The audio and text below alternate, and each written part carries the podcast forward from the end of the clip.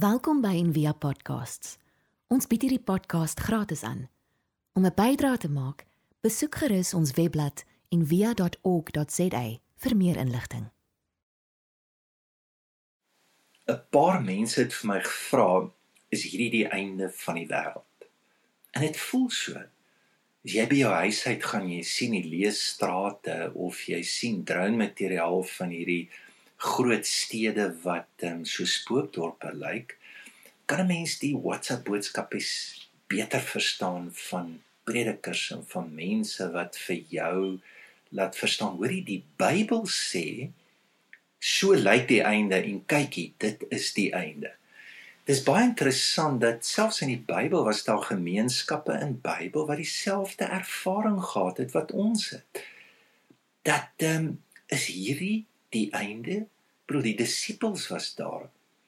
Na die opstanding was hulle, hulle kruip weg, hulle sit agter mure, hulle deure is gesluit. Hoekom? Hulle voel maar oor ek sien die verkeerde kant van die storie. Ek het by 'n sekte aangesluit. Nou gaan my kop rol. Ek weet nie eens mooi wat hier gebeur het nie. Wat het op Vrydag gebeur? Daar was 'n aardbewing, daar was duisternis. Is hierdie die tekens? Wat wat is dit?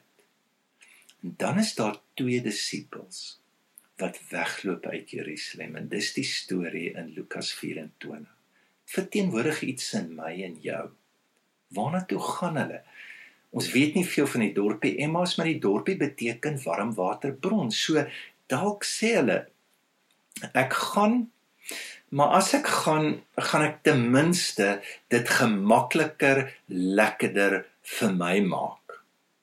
Ek gaan na my warm waterbron toe. Ek onthou en uh toe ons nou praat oor Stellenbosch en hoe moeilik dit gaan wees om sonder wyn um in Stellenbosch in die isolasie klaar te kom te spot iemand nog gesê hoor jy ons sal die drankwinkels my moet oppas en wrintie waar breek hulle in hierdie week by 'n drankwinkel. Dis 'n amper gevoel van hoor jy geen nie om nie. Kom ons eet, kom ons drink, môre gaan ons dood. Daar was mense in die Bybel wat so gevoel het in die gemeente van Tessalonisense. Dit was maar 50 jaar na Christus. Toe gaan dit so sleg. Hulle glo daar's 'n anti-kris. Ehm um, hulle glo dat dis die einde van die wêreld en hulle besluit ons gaan nie meer werk nie. Ek gaan my kredietkaart volmaak. Laat die anti-kris maar dit betaal. En dan Paulus se raad, hoorie, as jy nie wil werk nie, dan moet jy nie eet nie. En dan Johannes jy kan verstaan hoekom het mense dit geglo want toe Jesus opvaar hemel toe toe sê maar hy gaan terugkom. En hy beloof dat die koninkryk van God gaan hy weer herstel. En Johannes sê dieselfde en hy sê dat hoor jy moet net onthou dat van julle gaan nie eens doodgaan nie maar julle sal sien hoe hy terugkom in die koninkryk van God herstel. Dit gaan in julle lewenstyd gebeur En dan ontstaan al hierdie apokaliptiese vrae. Maar wanneer en wat gaan die tekens van die tye wees? Gaan daar aardbewings wees? En hoe gaan dit werk? En dan was Christene se gevoel die beste manier om dan te lewe is om wakker te wees, om nugter te wees en voorberei te wees. En dan weet ons dat dit het nie gebeur nie. Ons weet wel dat in Johannes wat 70 jaar na Christus geskryf is, daar weer 'n nuwe verstaaning gekom het.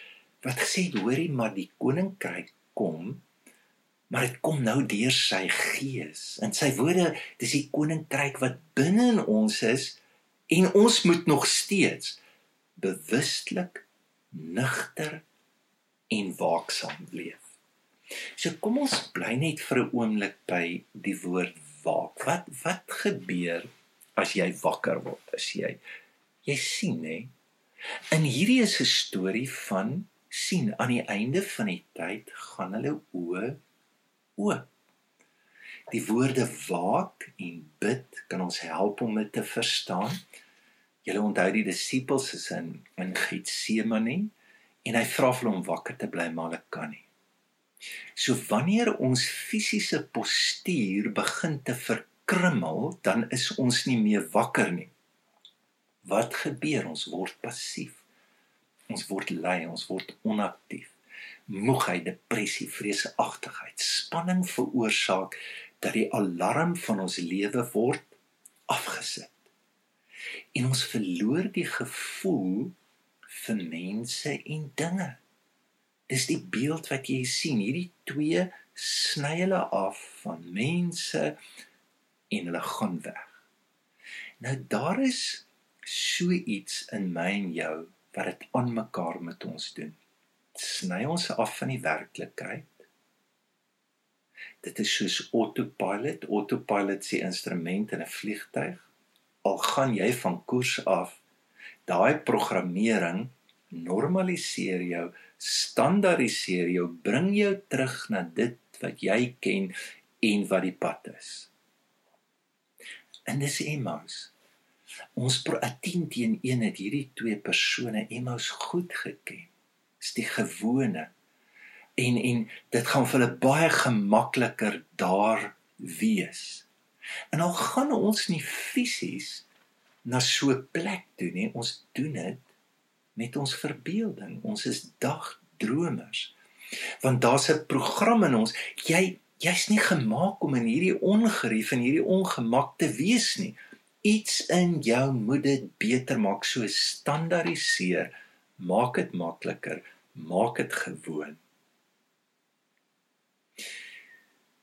Ek wil net twee dinge noem. So hoe word ons wakker of om dit dalk anders te sê, hoe gee ons die illusie van die gewone of van die standaardisering in ons lewe.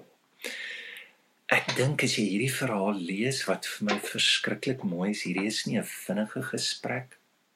Jesus kom nie net in, verduidelik vir hulle mooi wie hy is en alles is weer wonderlik en hy vat vinnig hulle hartseer weg nie want ons is so gewoond aan kits en jy kan ook luister sien na baie predikers nou alles is net is net vinnig jy net meer bid en jy moet net God vertrou en die krag van die Heilige Gees is ook daarin ek lees ver oggend van die pastoor in Amerika wat um, teen die isolasie reëls gaan het en groot byeenkomste vir sy kerk gehou het en sê hoorie sommer ehm um, God is groter as hierdie virus en hy is vandag dood.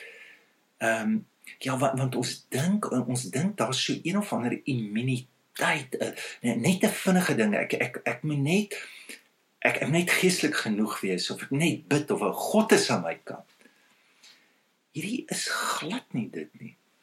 Is amper 'n 'n vroege.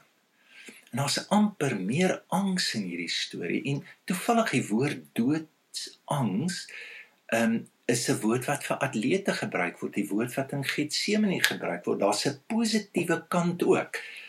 Dit dit dit is 'n atleet moet reg wees as hy die stadion ingaan en in daai konteks vir gebed. En in hierdie storie dis jy kry amper die gevoel hier's 'n stukkie vir stukkie vir stukkie van mense wat moet leer wat dit beteken om by Jesus te wees. Dis nie om 'n vinnige idee van Jesus te kry nie. Dis nie om hoorie verstaan ek dit nou reg nie.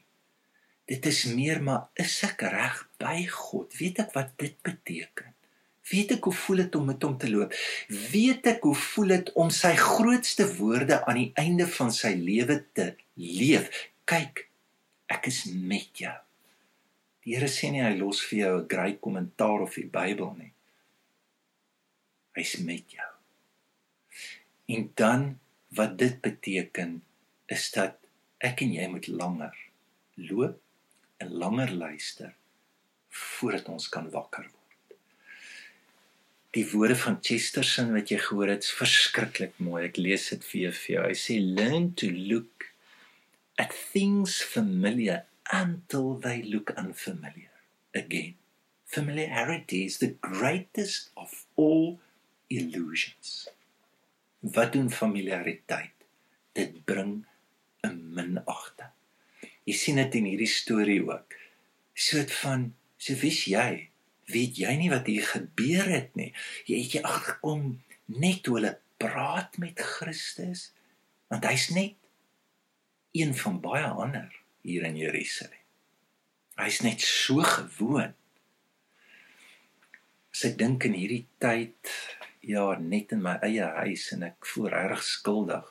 Jy weet altyd daar's goed wat nie reg is nie of jy dink aan daai deur of jy dink aan dit. Maar jy doen nie iets nie en dan later wat lekker van dit is, dit verdwyn. Jy word verdoof. Dit raak so, jy het so min agting vir dit dat dit bestaan net nie meer nie. En dit is die krag van om lank genoeg te wees met iets en in iets is ons wakker word. Hierdie lydingsweek was vir ons 'n besondere ervaring met Luka. Luka niks van pyn nie en hy sê altyd maar moet ons hieroor praat. Uh so en met die dood van Spikkels ons hond, hy het geweier om hom te om te begrawe. Ons het wel 'n klein kruisie gemaak. Ek wou hom vat Maar hierdie week wat ons so aanhoudend oor die dood praat op opstandingsdag, die aand te breek hy. En dit was 'n stortvloed van huil, van trane en ook wat hy self sê het, maar ek het nie kans gehad om hom te groet. Hy het die werklikheid gesien van dit waarin hy is en hoe groot hierdie verlies was en wat die verlies ook is. En al sy pogings om 'n Emmaus te skep en 'n Emmaus te maak, kon nie. hy was lank genoeg daar om dit te kon ervaar. Ek wil afsluit. Ehm um, die storie is hulle is terug Jerusalem toe. Jou besorgdheid moenie wees die einde van die wêreld nie. Jy gaan in elk geval doodgaan. Jou besorgdheid moet eerder wees maar in watter toestand kry die dood jou of in watter gemoedstoestand kry die dood jou. Wakker, sensitief, nigter, hoopvol of reeds dood? Die ergste dood wat daar is, is om dood te gaan met hierdie verskriklike klein autopilot niks seggewende nie lewegewende mikrogedagtetjies wat ons altyd maar die gewone laat doen en gewoond maak aan die gewone is tyd vir bekering die woord bekering beteken letterlik metanoia groot gedagte om 'n groot verstelling te belewe om God te kan sien om wakker te kan word in 'n baie groter wêreld wat God vir ons het. Ja, dit is die einde van die wêreld, maar dis die einde van jou innerlike wêreld. En is hierdie mooi storie van hoe daai wêreld van hulle van 'n koue negatiewe verander na 'n brandende hart in 'n lewe wat begeer, wat hoop, geloof en liefde sien. Mag jy dit in hierdie tyd ervaar. Ons hoop van harte jy het hierdie podcast geniet of raadsaam gevind. Besoek gerus en via.ok.za vir meer inligting.